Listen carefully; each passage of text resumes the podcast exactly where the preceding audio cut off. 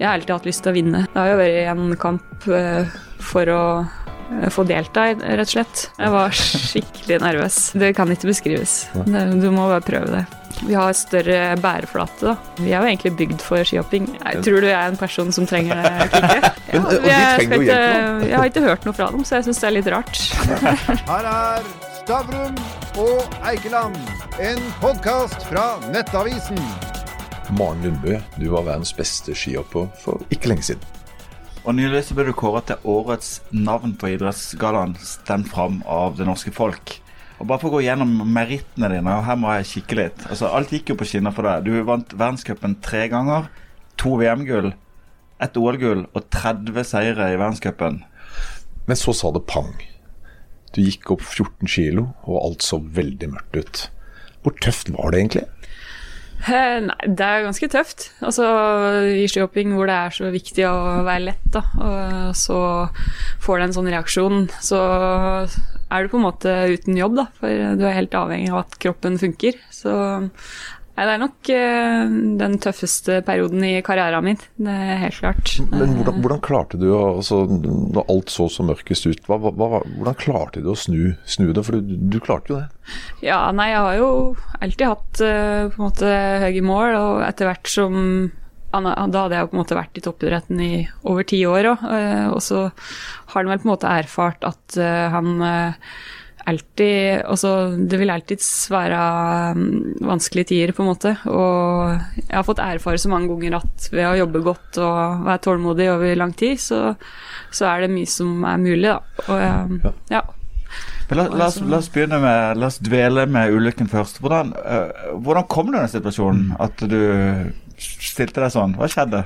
Nei, um, altså Hva skal jeg si I vår idrett hvor det er så viktig å være lett, så, så har jeg nok på en måte eh, tilpassa både trening og kosthold ganske mye eh, fram mot VM i, i Oberstdorf, eh, hvor jeg da fikk den reaksjonen i etterkant.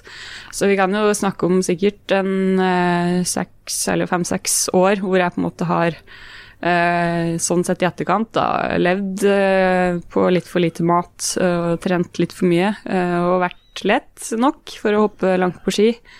Eh, og så begynner han jo å dra på seg litt skader og sånn. Det er jo liksom det første eh, han merker at eh, kroppen kanskje begynner å, å få litt reaksjon da, på at han har kjørt den litt for hardt. Og så ja, begynte jeg å få utfordringer med å klare å gå mer ned i vekt, fordi at eh, du har liksom ingenting å gå på, da. Eh, og så, ja, eh, inn mot VM i Oberstdorf, eh, så eh, ja, for å ta det, de siste stega der, så gikk jeg ned ja, 4-5 kilo på ganske kort tid. eh, ved å ta ganske drastiske tiltak, da. Og da er det jo sånn at ja, du får en reaksjon på det etterpå.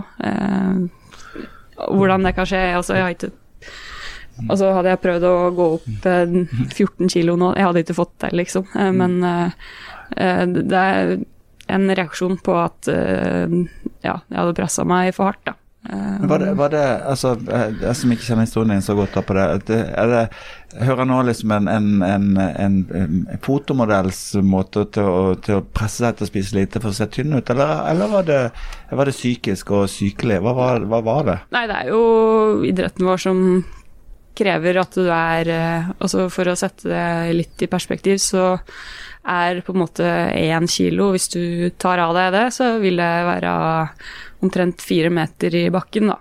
Så si innen også den sesongen eh, i 2021 så hadde jeg for første gang på mange, mange år ikke vært på pallen. Eh, Jeg var òg ja, fire, fire kilo, fem kanskje, tyngre enn jeg hadde vært. Og mm, ja. Eh, og det i seg sjøl, på en måte, det er jo på en måte Da starter du med et handikap på eh, 16-20 meter, da. Mm, så gjør du eh, drastiske tiltak for å klare å, å gå ned, da. Og det i ettertid er jo liksom Jeg skjønner jo at det er fryktelig dumt, men men, Men burde uh, de rundt deg, uh, altså lederne, trenerne, kanskje sagt ifra, for det, de, de så jo hva som, som skjedde. Og, og du vant jo gull, så det, det funka jo. Ja, jeg vant ikke sant? liksom. Ja, Det jo- ja, det det ikke det. men, men, men for det høres jo ikke helsemessig bra ut. Nei, nei det er jo, men det er jo alltid mitt valg, på en måte, og jeg som står i det. Og, og fram til da så hadde jeg jo på en måte følt meg helt uh, ustoppelig uh, i alt jeg gjorde, da. Og liksom kjent at dette her får jeg til, jeg tror dette her går bra. Og, men på et tidspunkt så uh, gjorde de ikke det lenger, og, og liksom helsa begynte å si fra, da. Så nei, det er ikke bra. Og så kan jeg på en måte si at vi er uh, vi er jo litt prøvekaniner i vår idrett òg. Det, det er ganske nytt med hopp for damer. Og vi har på en måte måttet gå en vei og, og tråkke litt eh, stien, da. Um, så vi har jo lært av det. Og og så trener òg de andre jentene annerledes for å unngå den type problemer her da, i framtida. Så um, kan jo skylde litt på det, men uh, også har jeg alltid også på en måte jeg har alltid hatt lyst til å vinne, og har vært villig til å ofre mye for det. da. Det er jo gjenkjennelig at du, at du går ned 4-5 kilo hvis det gir deg liksom 20 meter i bakken. Det, det kan du forstå. Eh, Men hvorfor gikk du opp 14 kilo etterpå? Nei, det Altså, jeg tror hvis du Hvis du presser deg så hardt da, og på en måte mm, spiser så lite at du på en måte nesten ikke har ting å ta vekk, på en måte, så må du på et tidspunkt øke litt i inntak.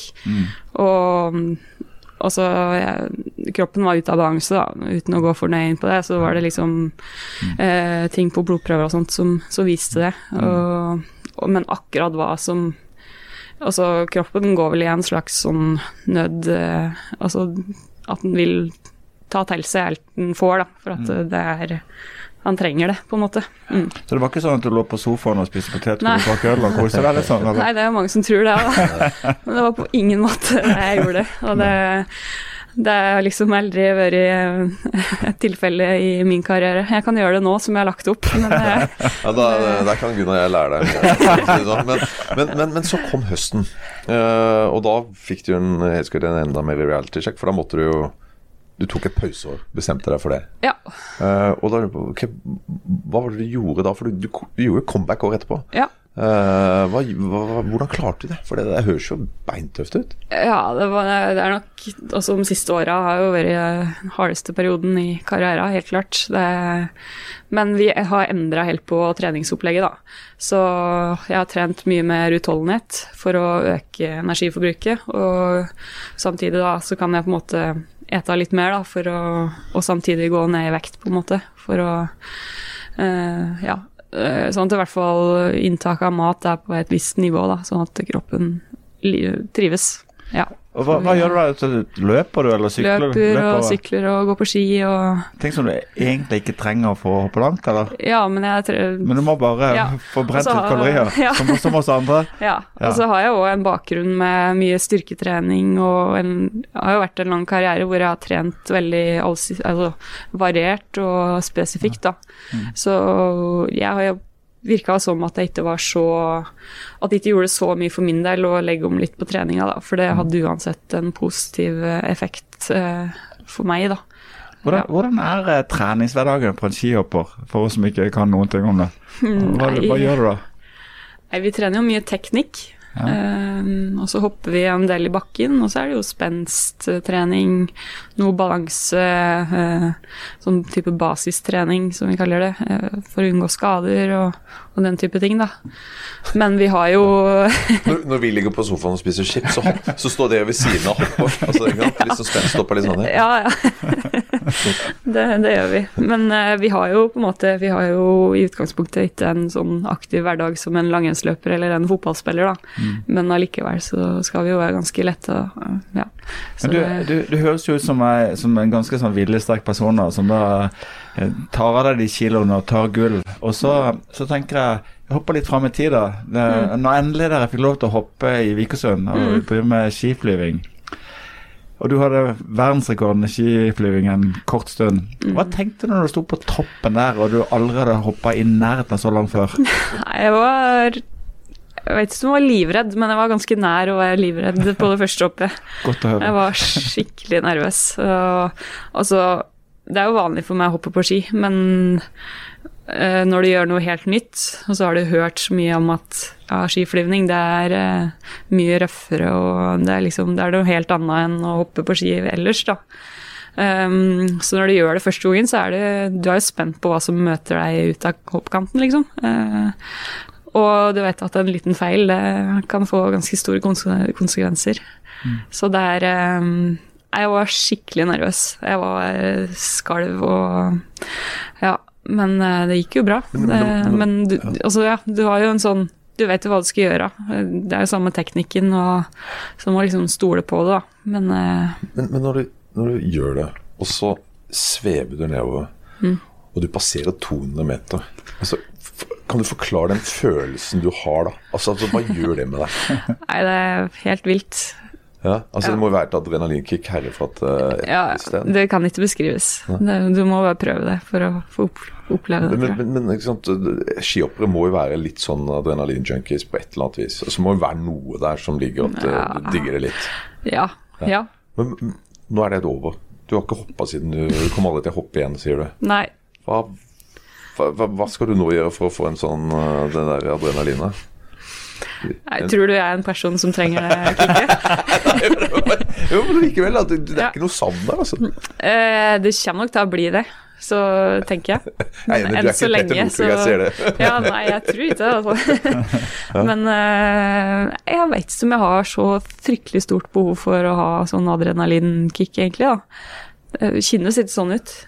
Men uh, mulig jeg føler på det om et års tid eller noe. Men Så tenk, så tenk gjennom hele karrieren din. Mm. Hva er det skumleste skihoppet du har tatt? Og da tenker jeg, Det er ikke nødvendigvis uh, verdensrekordhopp Mm. i skiflyving. Altså, kan du tenke på et spesielt hopp du uh, jeg har jo snurra rundt sånn it, altså sidelengs et par ganger. Uh, og så har jeg ett hopp i Granåsen i Trondheim hvor jeg eh, fikk ganske mye oppdrift. eh, hvor det sånn som det kan være der litt på sommeren, at det plutselig kommer litt sånn god, varm luft oppover bakken. Og så bare tok det helt av. Så jeg liksom trakk meg fra 100 meter, kanskje, og bare sto og prøvde å komme meg ned. Og landa på 150 meter. Oh. Og landa som en sekk. Og ja, det var en liten tur innom legevakta etterpå, men det gikk fint. Men den høgden og den energien Altså, jeg følte meg helt Jeg hadde ikke sjans til å komme meg ned, liksom. Det, det er det villeste hoppet jeg har hatt, tror jeg, i Altså, karrieren min. Så det var ikke 40-meteren i Kristiansand, Storheia der nede? Nei, det var ikke det. Men, men vi, vi, vi, må bare For det comebacket du gjorde, Ja. der hadde du eh, Det ble jo Det ble toppa av eh, VM-sølv. Mm. Så du, altså, du virkelig klarte Det var ikke bare det at du tok en sesong til og hoppa kom inn på 20.-plass og 30.-plass. Du, du klarte å komme i verdenstoppen igjen. Ja, det var jo et utgangspunkt for å gjøre comeback òg, for det har på en måte ikke vært interessert i å, å være med og bare være listefyll, egentlig. Så um, det var det, var det jeg jobba mot, og jobba jo ordentlig hardt eh, de to åra der hvor jeg jobba meg tilbake igjen.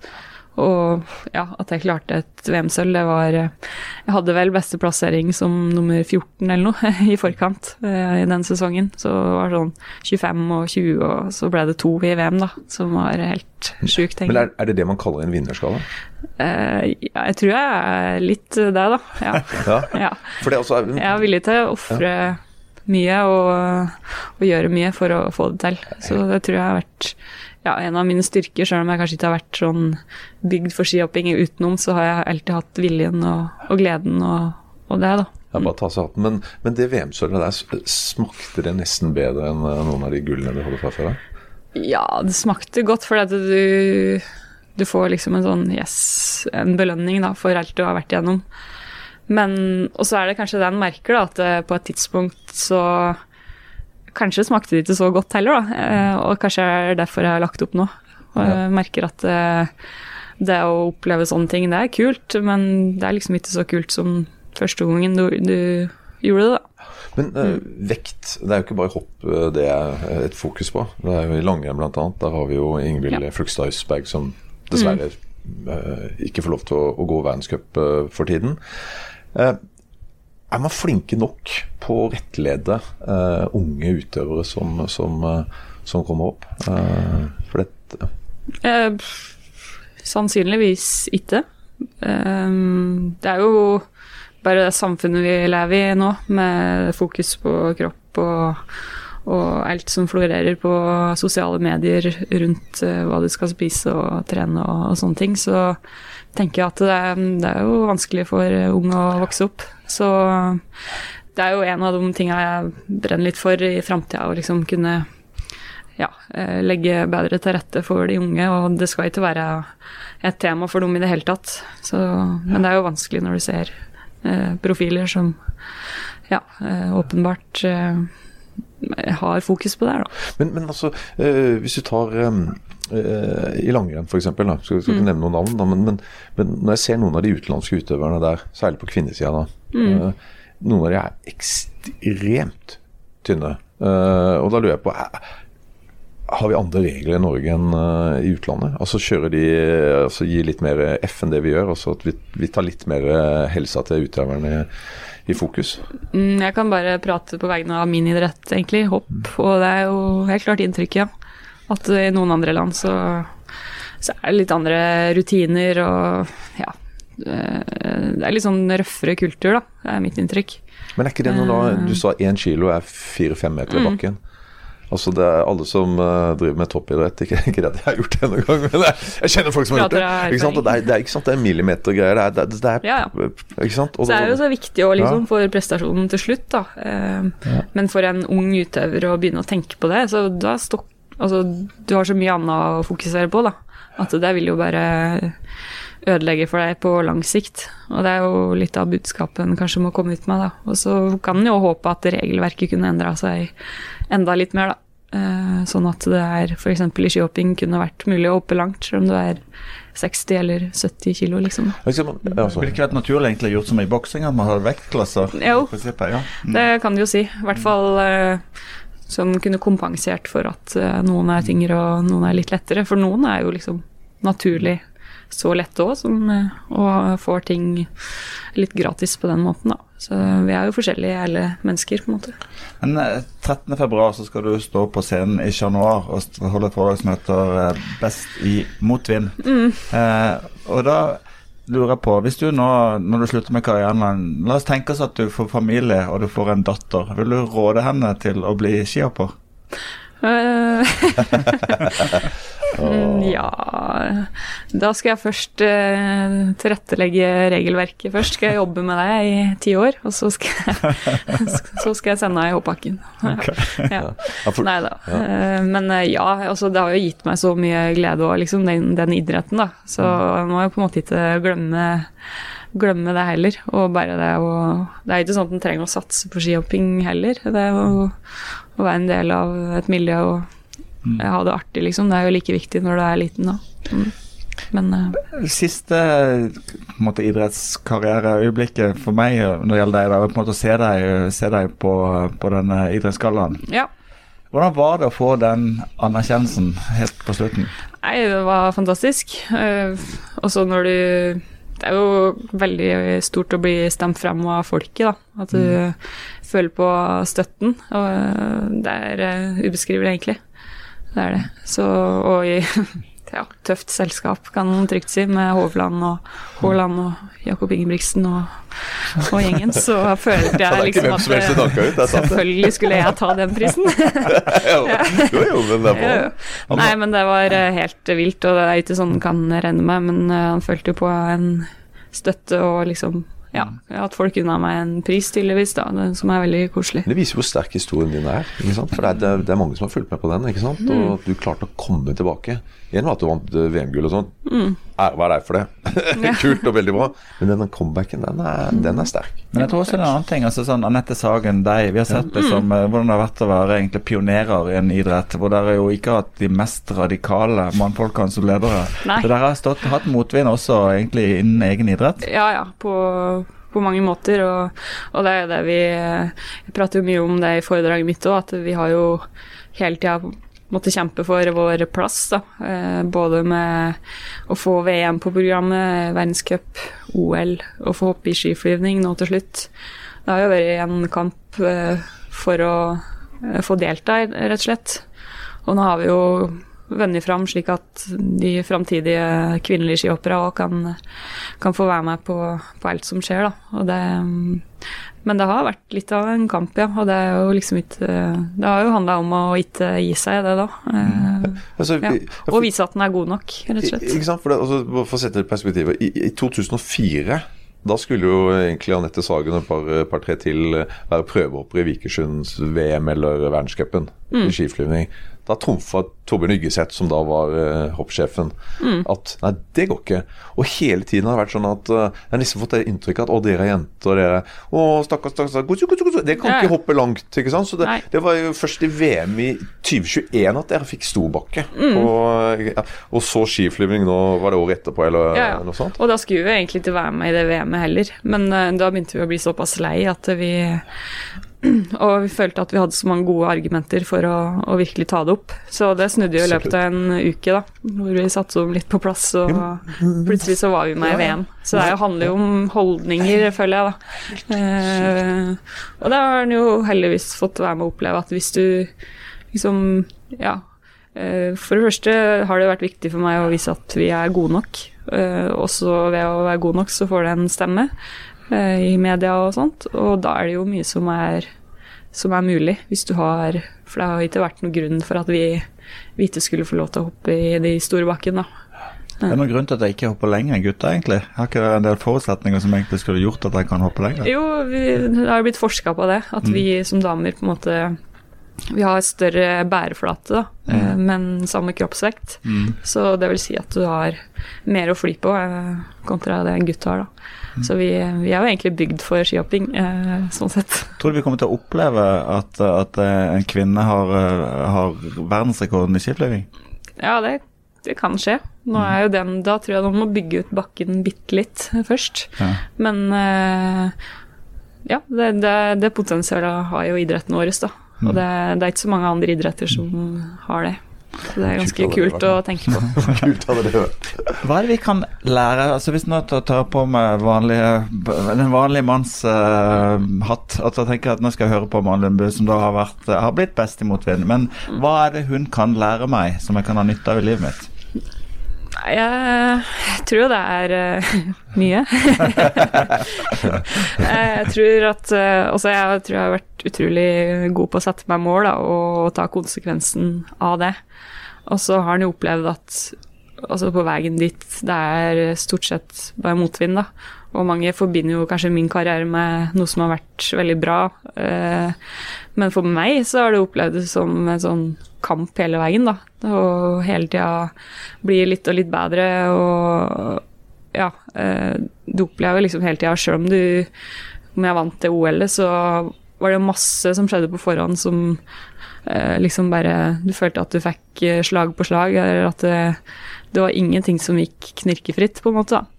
Så jeg tror at eh, det å være litt klar over at det stort sett er mye motgang, og at eh, for min del har vært de periodene jeg har jobba aller best, da. Så at, det, at jeg kan være inspirerende på mange måter, det, det tror jeg jo, da.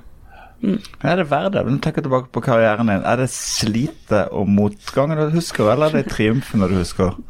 Ja, det er triumfer jeg husker, ja. det er det. Så det er eh, Jeg har vært Jeg har jo drømt så mye om å bli god til å hoppe på ski. Eh, Og så har jeg hatt gleden ved å hoppe i tillegg. Og så har jeg liksom vært villig til å gjøre veldig, veldig mye for å få til det, da. Så ja, jeg tror at jeg kan inspirere på mange måter. Er helt Og at hvis du har liksom indre drive, da, så ja, du kan få til nesten alt du vil. da. Altså, jeg, dette høres veldig fornuftig ut. Hadde du ikke vært her, hadde du ikke vært for det, så det er klart det er verdt det. men men um, altså til, altså, dere hadde jo i hoppsporten så hadde dere Torbjørn Yggeseth. Mm. Litt sånn gretten gammel gubbe. Um, Pilot, eh, faktisk. Han kan aerodynamikk. Ja, ja, ja, ikke sant? uh, I skiskyting så har de også hatt en gretten uh, gammel gubbe eh, som har styrt litt uh, mye. Ja, har jeg fått med meg litt. Ja, du har, ikke sant? Eh, altså, blir du overraska over de tingene som kommer frem der med Anders Besseberg? Oh, nå har ikke jeg satt meg kjempebra inn i den saken, da, men eh, ja.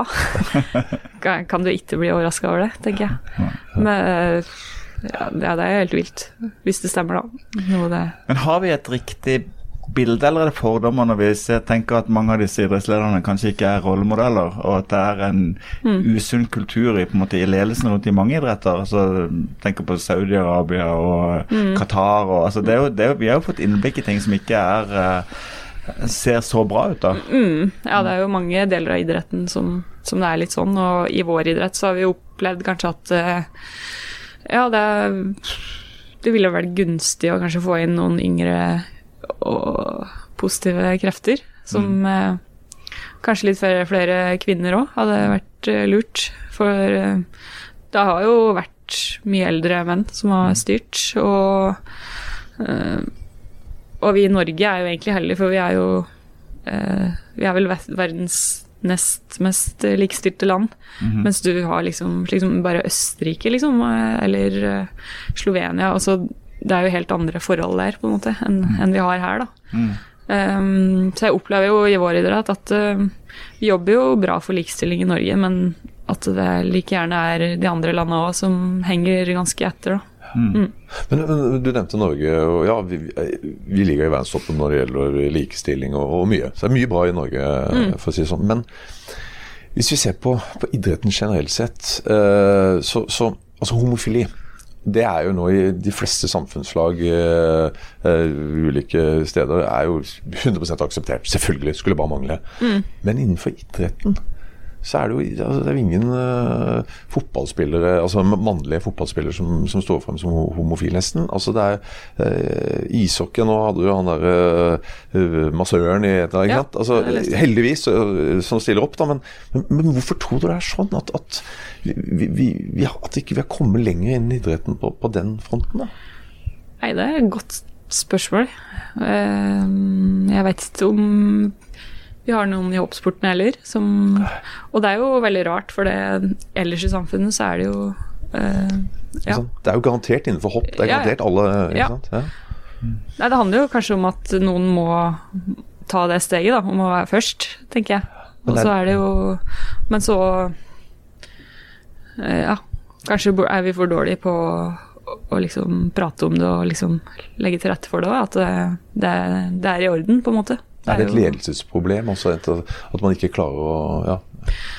Ja, altså idretten skal jo være litt sånn tøff og eh, ja, vi Det er jo mange sider ved idretten som vi ikke får se, eller som ja, vi Men synes det har vært veldig inkluderende når det gjelder innvandring. Altså det, er, Mm. altså, det er fantastisk. Altså, idretten tror jeg har spilt en veldig viktig rolle der, på integreringa der. Så, så Mm. det er jo ikke det at man ikke gjør ting for, for Nei. samfunnet, men ja, det er bare så rart at akkurat det skal være så vanskelig. Ja. ja nei, jeg har, jeg har ikke noe godt svar på det. Selv folk fra Toten har jo kommet ned. Ja, hva skulle du si nå? Nei, Det slo meg bare når du snakka at eh, at Hva med Maren Lundby? Kommer du til å ta, kommer du til å ta et ansvar som, eh, som idrettsleder? Altså, Er det ting du kunne tenkt deg å gjøre? Mm, eh, ja, sånn på sikt. Ja. Så er det kanskje det. Eh, Det er jo sånn at jeg, jeg samtidig med å holde foredrag, så eh, kan jeg bli leid inn til å og liksom, jeg føler at jeg har en viss kompetanse på andre ting òg, eh, som har vært viktig i min karriere. Og annet det med lederskap, da, så har jeg merka at jeg har, har mer erfaring enn jeg har vært eh, klar over. Da. Eh, så jeg syns det er inspirerende å jobbe med idrett i seg sjøl. Og så ja. Um, Hva er planen nå? blir Hva, leder. hva er planen din? Hva skal, du- hva skal du leve av? Hva skal du drive på med? Nei, jeg, jeg holder foredrag eh, nå, og det har jeg gjort et par år allerede. Mm, mm. Så først og fremst nå på Chat Noir eh, neste uke, eller eh, 13.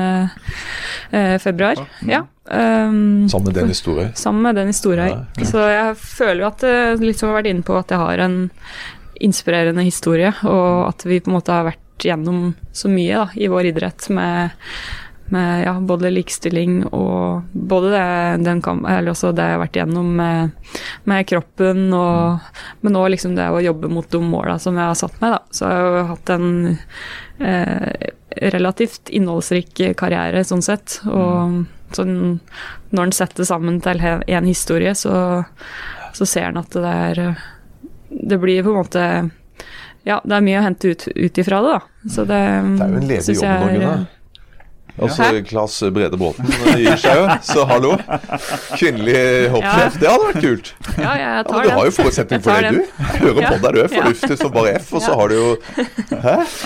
Men, Ja, og de jeg, trenger jo ikke, hjelp nå. jeg har ikke hørt noe fra dem, så jeg syns det er litt rart. Jo, men hallo. Det, vi får sende den. Men, men altså, de trenger jo seriøs hjelp nå.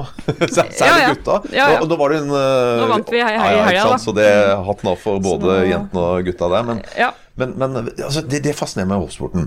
Mm. Altså, altså, Espen Bredesen, var det, det var han det begynte med for min del. For han kom jo sist, var det i Han begynte med? Ja, ja altså når, på dette Nei, nei, på dette Når du er å følge med på dette her, da. Han var desidert sist i et VM eller OL. Og så jeg var vel OL i 92. Og så jeg tror han landa på kula. Alt var bare kaos. Ja. Og så plutselig vinner han VM-gull i 93, OL-gull i 94, og så er han plutselig borte. ja. Men sånn er jo hoppsporten. Men hva, hvorfor er det sånn? Altså, det er bare Det er jo helt rart. Ja, er det det? Ja, er det det? Snur ikke så fort ellers i Nei, altså idrett Ronaldo har vært der i 17 år. Altså, det, Ja. Northug var der lenge. Dæhlie var der lenge. Det var jo Ja. Nei, den er jo en idrett som Det er så små detaljer, da. Så en, små, en liten justering kan utgjøre så stor forskjell. Det er, det er det beste svaret jeg har på det. Så Men hva skal til nå for å få de til å hele laget, Granerud og gjengen, å komme tilbake? Nei, du må få ny hoppsjef. tror jeg. Nei, jeg bare tuller. Men du, du blir snart 30, og du flytta til Lillehammer som 15-åring. Og du gikk på NTG, altså Norsk Typisk Gymnas på Lillehammer. Og så lurer du kanskje på å komme på bedre tanker og flytte fra Lillehammer, kanskje. Men hva, hva Ja. ser du for deg de neste ti årene? Hvor er du om ti år? Jeg tar det litt uke for uke, egentlig. Ja. Men eh, jeg har lyst til å nå skikkelig fokusere på den foredragsbiten og, og fortelle min historie. Og jeg merker at jeg lærer masse av det. Og, og i tillegg syns jeg det har vært eh, utrolig artig da, å, å begynne med det. Og, og det folk er mest overraska over, og tilbakemelding er at eh, det er litt morsomt òg, da. Så at det går an å få seg en god latter, samtidig som det er eh, inspirerende på mange måter. Så ja. Så det er bare å komme seg for januar neste uke. Det kommer faktisk en eh, fyr fra Japan. Ja, ikke sant? Ja, det Fortell om han fyren. Det må jo være en fan som reiser fra Japan på foredraget og som har lært seg norsk. Hvem er denne fyren? Nei, det er tydeligvis en fyr som er litt fan. Eh, som eh, Ja, han har vært på hopprenn i Japan før. Han er fra Japan. Og så Så du har truffet han før? Jeg tror jeg har truffet ham før. Eh, så har han bare skrevet til meg på Instagram og sagt at eh, han skal ta turen til Norge på Chat Noir for å se på foredraget mitt. Det syns jeg er helt sjukt, Det er faktisk. helt, Ja. Selvfølgelig er det helt Men da er det ingen unnskyldning for folk fra Toten eller eh, Tønsberg eller hvor det er, å ta turen inn. Men helt sånn på tampen, du, når du ga deg så i flere av intervjuene da, så nevnte du at, um, at nå skulle glede deg. Nå, nå var det tid for Nå er idretten over. Nå var det tid for barn og den type ting. Og Har jeg bare- sagt det? Ja, du har sagt det. Har sagt det.